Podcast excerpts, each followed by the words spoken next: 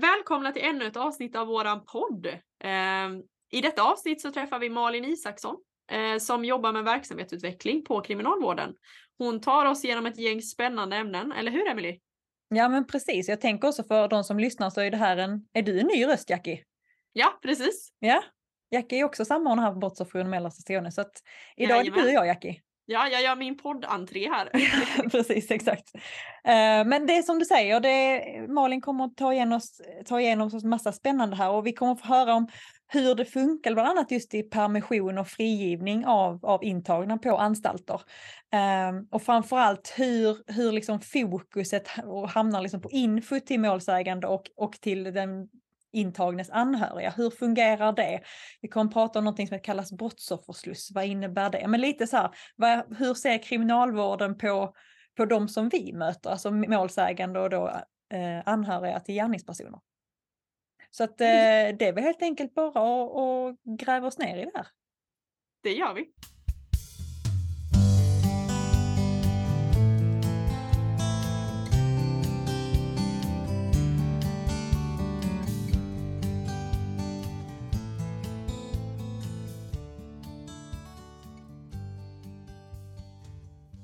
Men då kan du kan få berätta lite vem, vem du är och, och vad du gör. Ja, jag heter Malin Isaksson och jag jobbar med eh, verksamhetsutveckling på Kriminalvårdens huvudkontor. Det är fokus på verksamhetsprocesser i anstalt, häkte främst.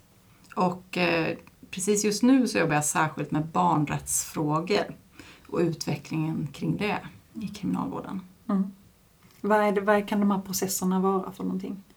Eh, kriminalvården hanterar ju, det är som ett mindre samhälle egentligen eh, för de som är dömda som ska sitta i fängelse. Så ska man ha någonstans att sova och äta och eh, man ska ha en sysselsättning att gå till. Så att alla processer som sker inne på en anstalt till exempel eller på ett häkte bygger vi upp och ser till så att det fungerar, att det finns sysselsättning, att eh, de som sitter häktade får isoleringsbrytande åtgärder till exempel. Och, eh, hur vi hanterar då barn som berörs av kriminalvårdens verksamhet utifrån barnkonventionen. Vilka processer har vi kring det, kring besök, information till barn och ja, Mm. lite sånt. Liksom runt omkring. Mm. Mm. Har du jobbat med det länge? Eh, ja, jag har jobbat eh, väldigt länge i kriminalvården, i eh, snart 20 år. Mm. Jag har jobbat inom frivården en stor del. Eh, sen har jag jobbat med utbildning av personal. Jag har jobbat med utveckling av personalutbildning väldigt mycket. Vilka kompetenser är det som personalen behöver och hur bygger vi upp det Mm. internt då hos oss. Och sen har jag jobbat med förhållningssätt, eh, hur vi jobbar för att mm, stötta klienterna till en förändring till exempel. Och där återfallsförebyggande uppdraget som vi har har jag jobbat med också och nu jobbar jag just särskilt med barnrättsfrågor och de här Mm. olika processer. Mm. Och det är, det är en stor, stor myndighet, Kriminalvården. Vad är, liksom, vad är myndighetens uppdrag? Ja, det är att eh, verkställa påföljder som döms ut. Så eh, de här påföljderna ska verkställas på ett säkert sätt och humant sätt. Mm. Så det är ju grunden. Och sen har vi ett uppdrag att jobba återfallsförebyggande med de som är dömda. Så att eh, det kan vara både på anstalt eller i frivården som en person avtjänar sin dom. Och eh, under tiden som man avtjänar den domen så ska kriminalvården jobba för att hjälpa den här personen att förbättra sina förutsättningar att leva ett liv utan kriminalitet efter domen. Eller efter den här påföljden då. Mm. Sen så jobbar vi också med häktade personer. De är ju inte dömda än. Så att eh, den verksamheten ansvarar kriminalvården för också. Och vi genomför transporter, inrikes och utrikestransporter för kriminalvården. Men vi transporterar även andra som är frihetsberövade för andra myndigheter som polisen, eh, Migrationsverket, SIS eller psykiatrin också. Okej, så då är ni ansvariga för de transporterna också, Mm. för de myndigheterna? Okej. Mm. Det är ett, ett, ett brett uppdrag som ni har. Eh, och det är mycket fokus på, på den dömde då såklart givetvis. Men ehm, vad har ni för, för roll liksom för stöd till, till målsägande och anhöriga? Ja, för kriminalvården så kan det handla om att ge viss information till exempel till målsägande och anhöriga och i vissa fall stödja kontakten med den som är intagen i fängelse till exempel. Och sen handlar det också om att kontakten med kriminalvården ska kännas bra för anhöriga till exempel. Och sen att vi jobbar med påverkansarbete för den dömde i syfte att förbättra för dem själva men också närstående och andra. Sen är stöd till målsägande i socialtjänstens ansvar men vi kan ju vara behjälpliga att hänvisa till exempel socialtjänsten eller hjälpa till med kontakter. Så det är den typen som är som stöd kan man säga då? Alltså att ni hjälper till i kontakten eller har ni någonting annat som du menar som man kan vara i stöd till kontakten till den som är intagen? Ja, precis. Vi har ju en verksamhet som heter Brottsoffersluss på vissa ställen. Jag har lite mer om det sen. Sen, mm. Absolut. Mm. Eh, Men om vi glider in lite på, på permissioner till exempel, för det vet vi ju, de, som är, de flesta av de som är intagna har vi förstått har, brukar ha permissioner på olika sätt. Vad skulle en permission kunna innebära och hur brukar det gå till? Ja, eh, det här med permissioner, det finns eh, några olika sorters permissioner. Eh, och det kan innebära att man får lämna anstalten då till exempel allt ifrån några timmar till några dygn. Mm. Antingen så är permissionerna bevakade, det är tillsynspermissioner.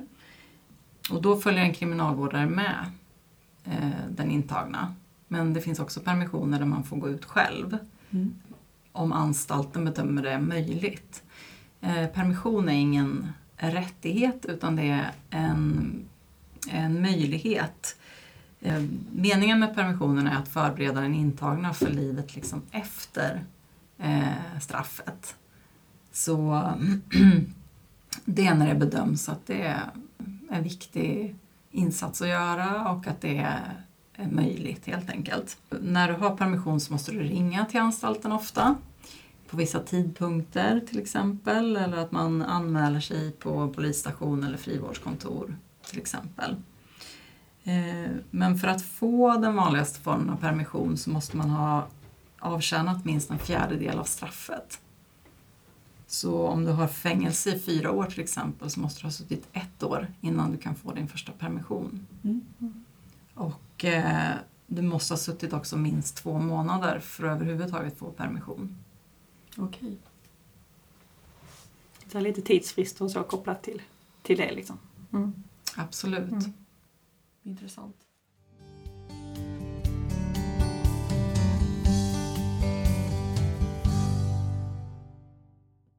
Frigivning till exempel, vad, vad, det är ju skillnad från permission förstår vi såklart. Eh, och vad, vad är frigivningen och hur går det till? Mm. Och vad betyder det? Frigivningen är ju då när jag är färdig och har avtjänat mitt straff och ska friges från eh, fängelset.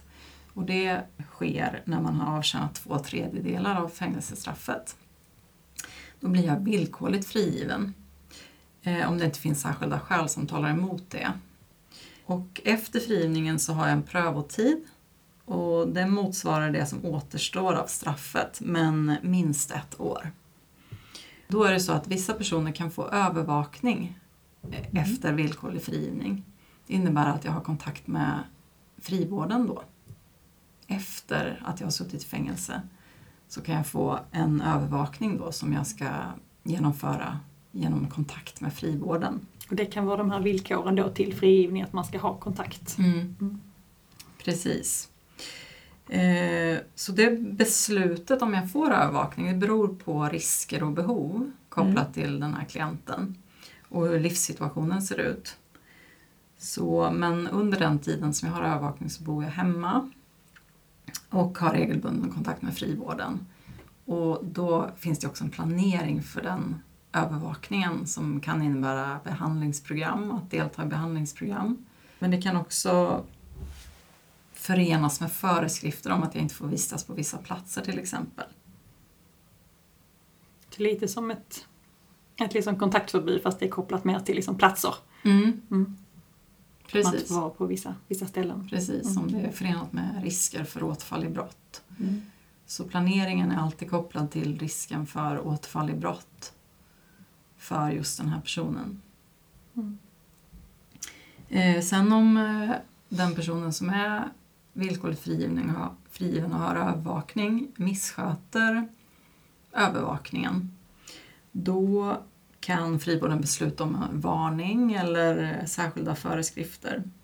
Och det kan anmälas till en övervakningsnämnd som kan besluta att förverka dagar av den villkorligt medgivna friheten.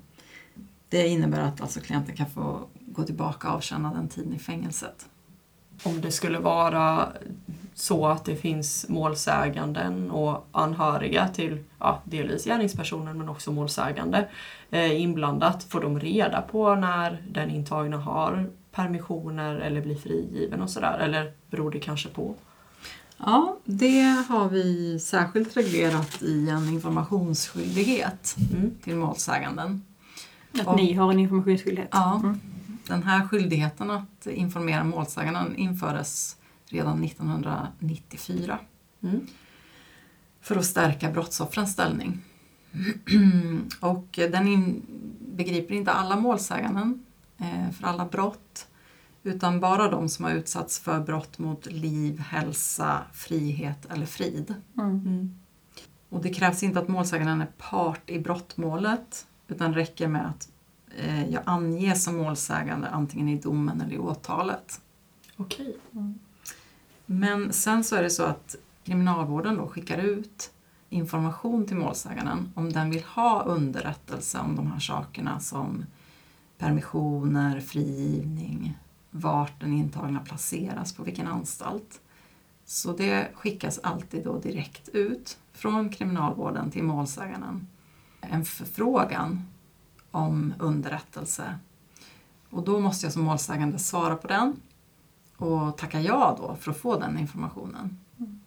Ibland så går det väldigt fort att eh, en eh, intagen till exempel ska friges eller ska förflyttas eller någonting eh, som man har rätt att få information om till exempel men man har inte ens hunnit få brevet och tackat ja än. Ja. Då kan kriminalvården kontakta målsäganden direkt ändå Mm. och ge informationen om jag inte har tackat ja till den. Men gången, den normala gången är att du får hem det här brevet och du tackar ja. Och sen kan du få information då, välja att få den via brev eller genom en digital brevlåda. Eller man kan lämna sitt nummer så att man kan få ett sms eller ett telefonsamtal när det sker någonting. Det kan vara en förflyttning också, att den intagne har varit på en anstalt först och sen ska flytta till en annan anstalt. Så man behöver inte som målsägande eller sådär göra någonting mer aktivt i det än att eh, egentligen ja, men svara på det som kommer till Mm. en liksom, om sådana saker. För det är inget annat som man behöver tänka på liksom. Nej, utan att bara svara ja där. Eh, Men, om Men jag det s- krävs att man svarar ja. Mm. Mm. Så tackar jag nej till att få den informationen, då hör du absolut inget mer från anstalten eller kriminalvården. Då. Eh, Men om du tackar ja, då går det automatiskt att du ska få information vid alla de här punkterna. Då. Mm. Och du sa det, det var de som var liksom angivna som målsägande i åtalet. Mm. Men då gäller det inte vittnen till exempel? Nej. Okej. Fungerar det på samma sätt om det är någon som är, jag tänker om det är någon som är under 18 Mm. eh, som eh, vill ha information om frigivning, permission och sådär. Funkar det på samma sätt då eller är det på ett, på ett annat sätt? Alltså så via vårdnadshavare till exempel eller, eller sådär? Precis, om jag är under 18 så går det här brevet eh, till eh, vårdnadshavare att eh, tacka ja till informationen. Men det krävs eh, bara att en av vårdnadshavarna eh, säger ja. Mm. Eh, så att, att någon gör det. Någon av vårdnadshavarna tackar ja till informationen då så ska jag få precis samma information om jag är under 18. Det är kanonbra. Eh, och vi var lite inne på, nu har vi pratat, pratat lite om, om målsägande och anhöriga och liksom deras rätt att få information när det händer någonting under, under straffet. Med förflyttningar och permissioner och frigivning och så. Eh, och vi pratade, var lite inne och, och nosade på stödet till, till brottsutsatta och, och anhöriga som, som ni från Kriminalvården erbjuder. Eh, kan vi gotta ner oss lite mer? Fin, finns det någon, någon typ av erbjudande från er gällande stöd? Vi pratar om att socialtjänsten är, är ansvariga för det eh, till det yttersta, men erbjuder ni dem någonting? Alltså kriminalvårdens uppdrag det eh, kretsar kring och det handlar om den dömde. Men eh, arbetet då med klienten, då, den dömde, det berör ju ibland kontakt med målsägande och anhöriga. Och i det jobbar vi för att den kontakten ska bli hjälpsam. Det kopplas ju både till det här att vi jobbar återfallsförebyggande med eh, klienten. Eh, så att förbättra hela tiden chanserna för att den här personen inte ska återfalla i brott. Och, och i det så är det om, om den intagna kanske har kontakt med målsäganden eller anhöriga som har utsatts för brott också av den här personen. Sen så är det ju det att vi kan eh, ge information och förklara för anhöriga hur det här fungerar kring fängelsestraffet till exempel. Generell information kan ju också vara en slags stöd att få när jag berörs av det här. Men att det är uteslutande socialtjänstens uppdrag att se till att den som utsatts för brott och dens närstående, att de får stöd och hjälp. Och det finns inskrivet i socialtjänstlagen eh, där det finns ett särskilt stycke just om mm. brottsoffer. Så att vi är väldigt noga med vart gränsen går mellan kriminalvårdens uppdrag och socialtjänstens uppdrag. Och att kriminalvården ansvarar för klienten och all hantering kring klienten. Eh, sen så ligger det i kriminalvårdens uppdrag om serviceskyldighet att eh, vara behjälplig i så stor utsträckning som möjligt att hänvisa brottsoffret till rätt myndighet till exempel. Och sen att vi informerar målsäganden i den här informationsskyldigheten som vi har. Det ingår i vårt uppdrag. Är det kopplat till brottstyp eller gäller det, liksom, gäller det alla? Jag tänker just vi pratar om att är man målsägande så får man informationsskyldighet, eller har ni informationsskyldighet? Gäller det alla brott eller det gäller bara de här som vi pratar om? Det är väl olika kapitel i, i brottsbalken tänker jag. Ja precis, mm. det är just att det gäller bara brott mot liv, hälsa, ja. frihet eller frid. frid. Mm. mm. Så det är de typerna av brott då, där man kan när få. man är målsägande. Mm. I, I de, när det har varit de typerna av brott, ja. då kan man få information.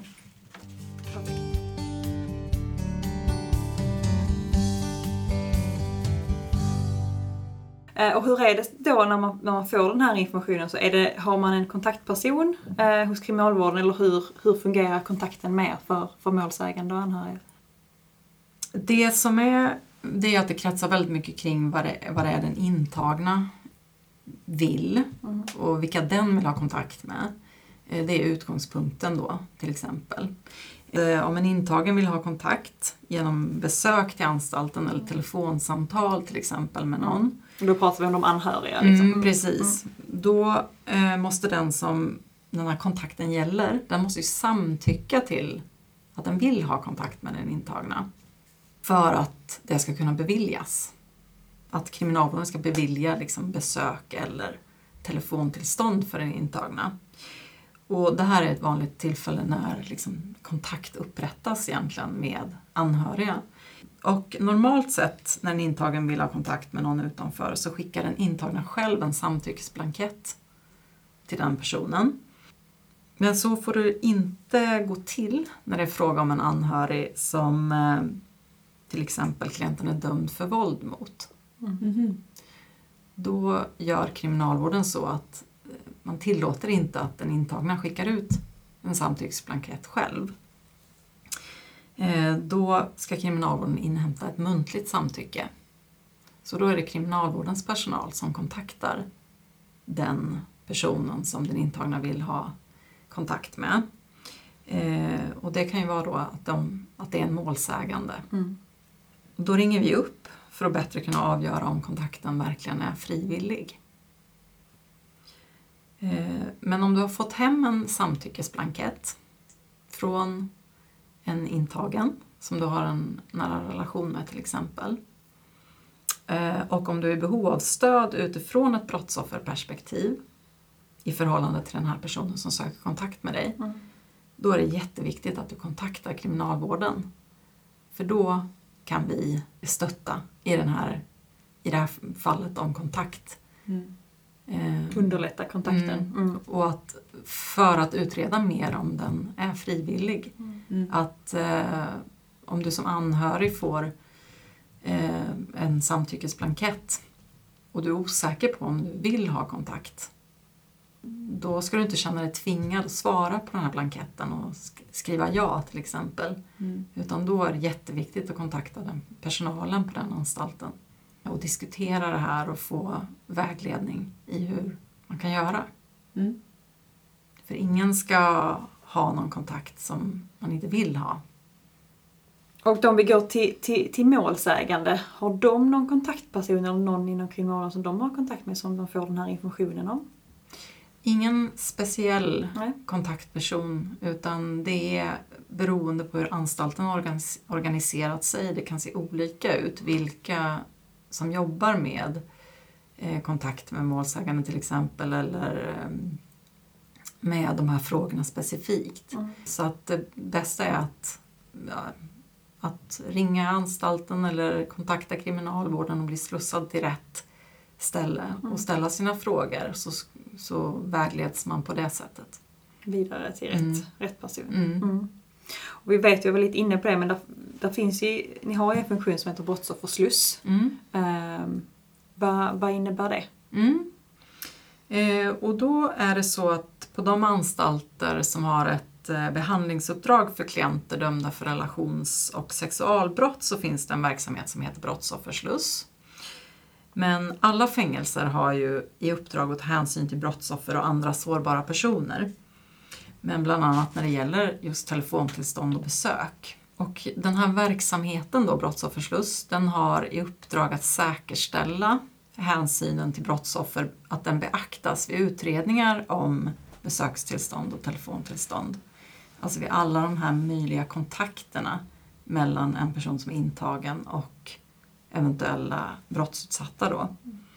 Så att vid planering och genomförande av besök blandas också brottsofferslussen in. Och vid uppföljningen av de här tillstånden kring besök och telefoni som den intagna har fått. Så att hela tiden säkerställa att inte brottsoffer utsätts på nytt egentligen. Mm. Det låter som en liksom, fördjupning och en, liksom, av det här informationen som ni redan har som ni utreder om det är så att samtyckesblanketten skickas men det känns som det görs i en kanske lite djupare och lite större omfattning på de här brottsofferslussarna. Förstår jag det rätt då? Ja, precis. Det är att ehm, processerna kring de här tillstånden och den intagnas kontakter med eh, andra görs liksom med hänsyn till brottsofferperspektivet Mm. egentligen mer Mm. noggrant. Och det ska ju kriminalvården göra i alla de här ärendena. De som handlägger just tillstånden ska ta hänsyn till, är det fråga om att det finns brottsoffer här eller vad är det för situation? Kan vi bevilja den här kontakten eller inte? Mm. Och då är det kopplat också mycket till eh, risken för återfall i brott. Kan det ske någonting nu men också eh, påverkar det här den här klientens um, utveckling egentligen på olika sätt. Och den kanske går i ett behandlingsprogram och jobbar med att uh, ta ansvar för sin brottslighet och hur den kan agera på ett annat sätt i framtiden. Så då är det också viktigt att alla kontakter som den har bidrar på ett positivt sätt i, den, eh, i det arbetet. Så man kan hjälpa till att göra den bedömningen kan man säga då. Alltså förstår ju såklart att klienten är ju i fokus, allt det där, men där kan det ju vara som du säger anhöriga som kan göra en påverkan så att det blir liksom fel i den behandlingen som man går i så att ni kan vara med och påverka det lite då. Mm. Precis som den anhöriga förnekar brottsligheten till exempel eller och klienten erkänner eller vill ta ansvar för det då är ju den kontakten inte en positiv kontakt. Mm. Eh, Så då kan de nekas den kontakten. Och de här brottsofferslussarna, varför finns du väldigt inne på att liksom Mm. förtydliga brottsofferperspektivet så, men, men det finns en an, annan anledning till varför de finns? Ja, det är ju det här att vi har i fängelselagen regler om att eh, du får ta emot besök och du får ha telefonkontakt eh, när du sitter i fängelse till exempel. Men bara om det inte äventyrar säkerheten eller kan innebära skada för den intagna eller någon annan. Och det är de här reglerna då i fängelselagen som eh, då kriminalvården jobbar med. att Hur ska vi upprätthålla dem? Att se till att ingen annan kommer till skada till exempel av den här kontakten. När vi arbetar med eh, dömda för sexualbrott eller för våld mot någon, någon närstående så händer det att den som har utsatts för brottsligheten vill ha kontakt med den intagna. Eller att den som är intagen vill ha kontakt med ett brottsoffer. Så det är just för de relationerna där det är liksom vanligt att det, det finns fråga om kontakt egentligen. Eh, Men att den kontakten riskerar att bli till skada för den intagna eller för någon annan då, till exempel det här brottsoffret. Eh, Och det är jätteviktigt för kriminalvården att det inte är möjligt att fortsätta med sin brottslighet under tiden i kriminalvården. Eftersom vi är ansvariga och vi Eh, är inblandade så behöver vi bli skickliga på att jobba för att det inte ska kunna ske någon fortsatt brottslighet. Då. Så det är grunden, eh, det som Brottsofferslussen är till för. Att säkra upp så att den här kontakten stoppas om den kan innebära skada och att den kan ske på ett säkert sätt om det bedöms viktigt att eh, det ska vara en kontakt. Eh, Det kan handla om att möta särskilda behov som till exempel för brottsoffret att få ställa frågor. Så det är helt enkelt de här botten, eller de anstalterna som har en brottsoffersluss där det finns då eh, både nära relation till exempel eller sexualbrott, att där har man bedömt att just i de brotten så är det här av särskilt intresse att vi tittar lite extra på och därför har man en brottsoffersluss. Precis, exakt. Och det finns som två delar kan man säga i brottsofferslussarbetet. Och det ena handlar om att utreda och bedöma möjligheterna till eh, kontakt då, genom besök eller telefontillstånd. Och i det så tar man ställning till om andra personer eller klienten själv kan riskera att ta skada om den här kontakten medges. Och Genom att vi kartlägger noga och skaffar sig kännedom om klienten att kriminalvården gör det utredningsarbetet om man säger. Man gör en riskbedömning och man tittar också på klientens inställning till brottet och till brottsoffret. Och vilken grad av ansvarstagande som finns från klientens sida. Eh, så det kan ju handla om att klienten går ett behandlingsprogram till exempel, att man ser att eh, det börjar finnas ett erkännande kring brottet, brottsligheten och att den tar ansvar för det som har skett helt enkelt. Och man tar ställning till då också, kan ett besök ske om det förenas med kontroll till exempel? För att ett besök utan kontroll, där vi absolut inte vet, det är det som är ganska omöjligt i de här fallen. Men den andra delen då i brottsofferslussarnas arbete, det är att eh, genomföra brottsofferslussbesök. Och det är just det här att om det bedöms att ett besök är viktigt till exempel, kan man genomföra det då med kontroll eller bevakning. Och bevakade besök har vi ju normalt sett också i andra fall. Eh, och då brukar den personalen från kriminalvården inta en ganska passiv hållning i de besöken. Men i ett brotts- brottsofferslussbesök så, så är det personalen från kriminalvården tar en mer aktiv hållning då i besöket för att styra det mer. Att eh, säkra upp så att det blir bra för brottsoffret i besöket och för den intagna. Då. Och det ska förberedas väldigt noga. Det är mycket samtal med den intagna, det är samtal med brottsoffret och brottsoffret vill ha ut egentligen av besöket. Om det är att få ställa vissa frågor, få vissa saker sagt, så kan det här vara en möjlighet att få det eh, får den möjligheten att, att ställa frågor, att säga saker och förmedla saker i en säker situation då.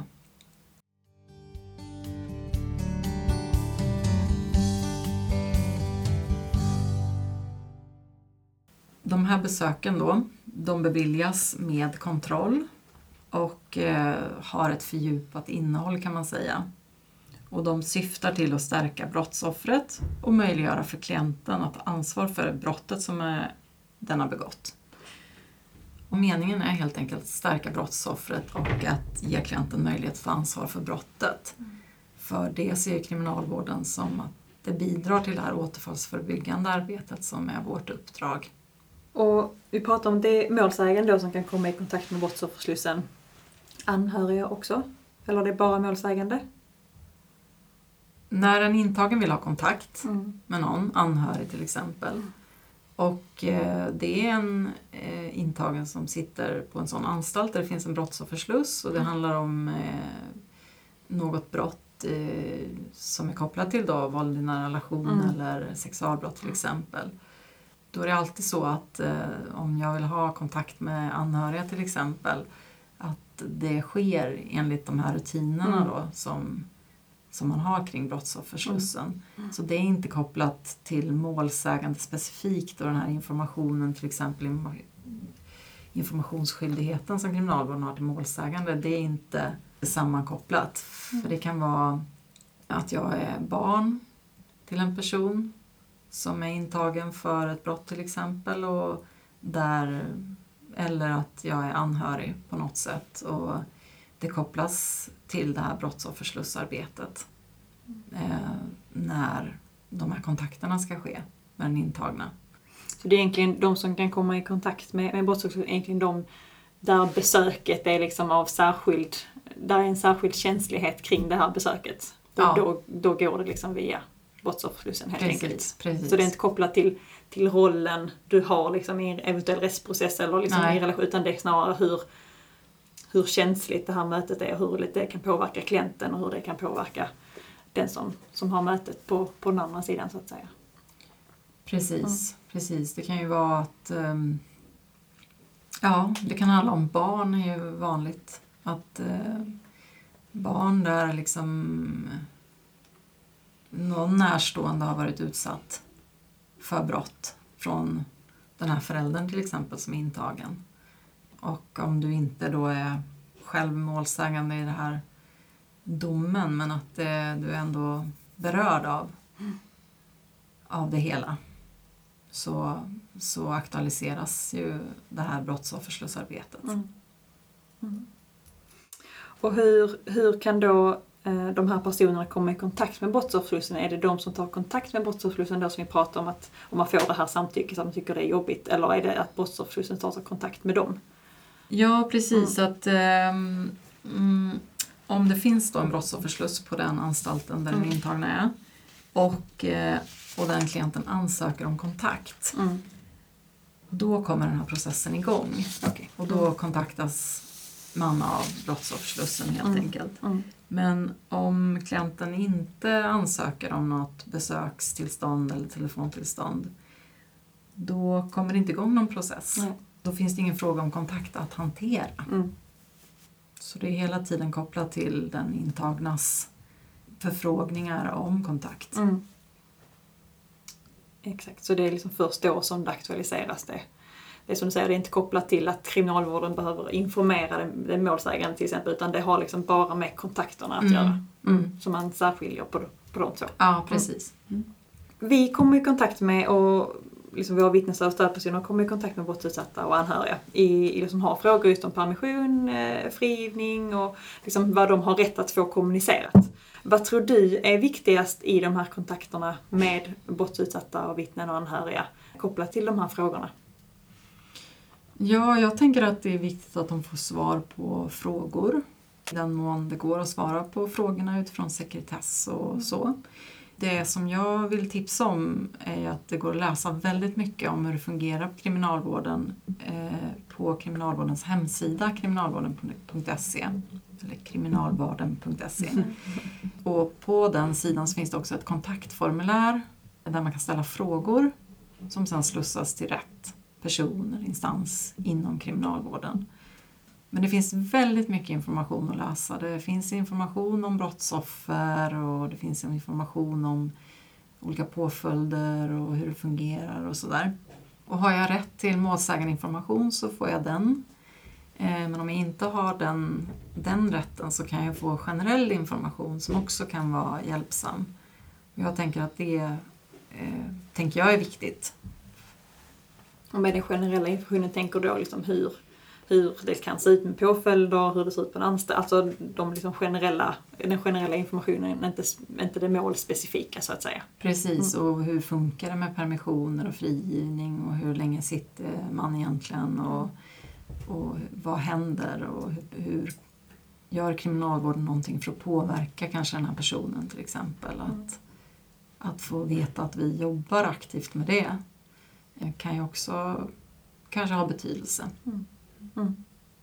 Absolut.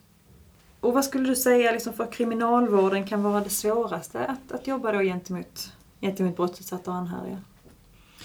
Ja, det som jag tänker är svårt är just att det alltid är individuella bedömningar som ska göras. Till exempel om det här med besöks eller telefontillstånd kan innebära en skada för annan till exempel. Det är kanske inte alltid svart eller vitt. Så det handlar ibland om väldigt, väldigt svåra bedömningar. Men att vi använder det regelverk som finns och de riskbedömningar som gjorts för att antingen begränsa eller möjliggöra kontakten. Mm. På ett säkert sätt. Då. Eh, och sen behöver vi hela tiden kompetensutveckla medarbetare som arbetar med det här så att de här utredningarna och kontakterna genomförs på ett professionellt sätt. Mm. Eh, och det är ju ett arbete som vi verkligen vill anstränga oss i då och som eh, är viktigt, tänker jag, för att eh, lyckas. Och vad, vad, upplever ni finns för förväntningar på kriminalvårdens stöd till, till brottsutsatta anhöriga? Vad är det för förväntningar som ni möter? Ja, men det är, tänker jag, att vi har ett professionellt och hjälpsamt bemötande till exempel mot brottsutsatta anhöriga. Och att vi kan hantera den här balansen mellan behov av skydd eller kontakt. Och eh, hantera de processerna som pågår mellan en eh, förövare till exempel och en brottsutsatt. Att vi kan finnas där i, liksom mellan på något sätt och eh, vi har kunskap om, om brottslighet. Så att eh, när andra människor i samhället kanske inte förstår den brottsutsatta, vad den har varit med om eller vad den har varit utsatt för, så ska ju kriminalvården åtminstone ha kunskap om riskfaktorer för brottslighet och hur olika former av brott ser ut och hur de funkar, mekanismerna bakom de här brotten. Mm. Så att brottsutsatta ska känna sig trygga i att, att vi ska ha den kompetensen. Mm. För att vi har en förståelse för den utsatta situationen som brottsoffret är i. Mm. mm.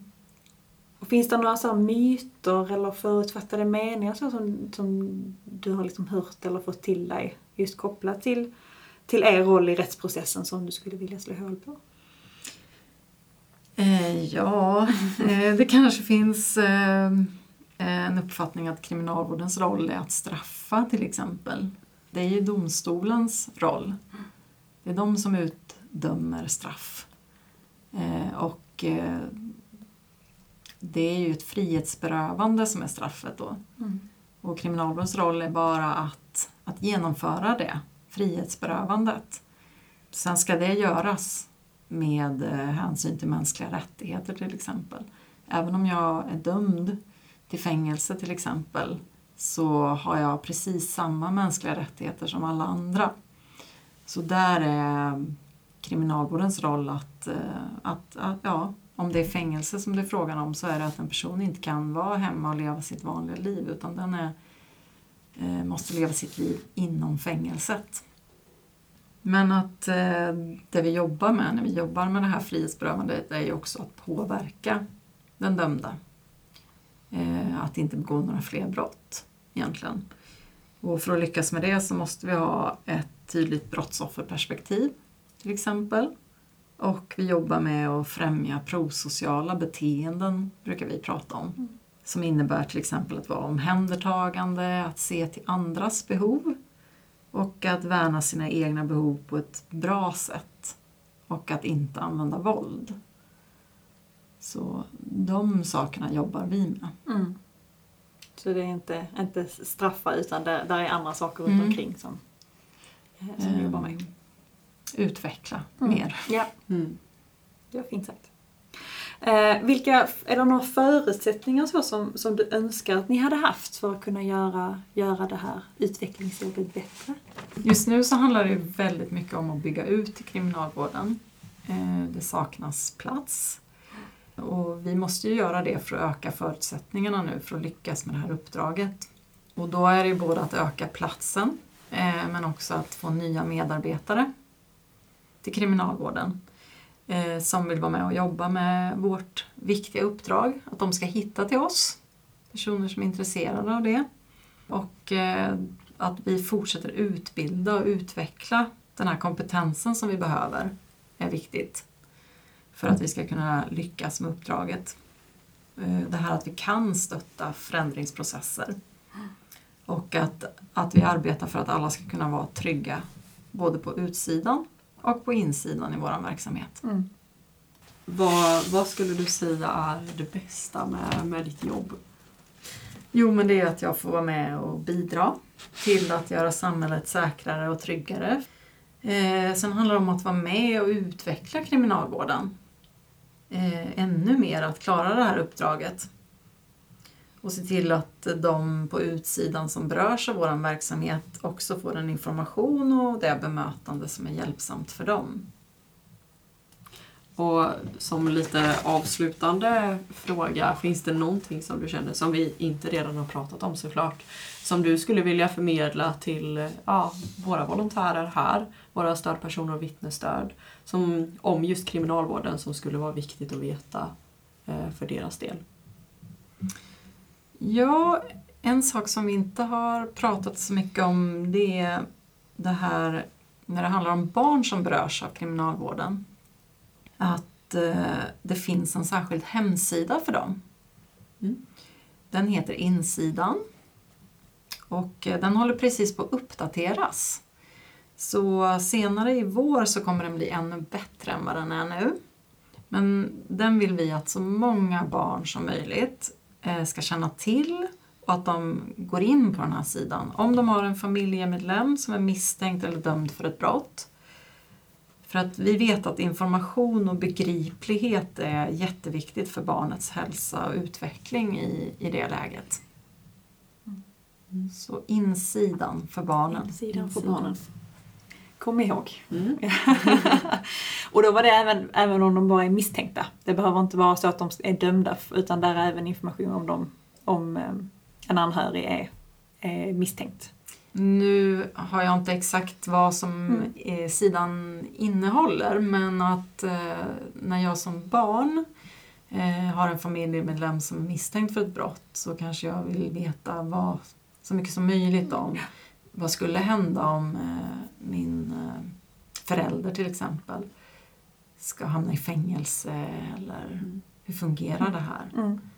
Eh, då kan jag börja liksom läsa om det och att det kanske också kan minska oron och allt för att eh, barnet ska må så bra som möjligt. Och då tänker jag att eh, frågorna väcks redan när familjemedlemmen är, är misstänkt. Eller första gången jag får veta att det har hänt någonting brottsligt. Mm. Absolut. Så tror jag definitivt att det är. Ja, verkligen. Eh, mm. Men då har inte vi fler frågor. Är det någonting annat som du tänker på? Som du tycker vi har missat eller, eller så? Inte som jag kan komma Nej. på nu. Tack så jättemycket.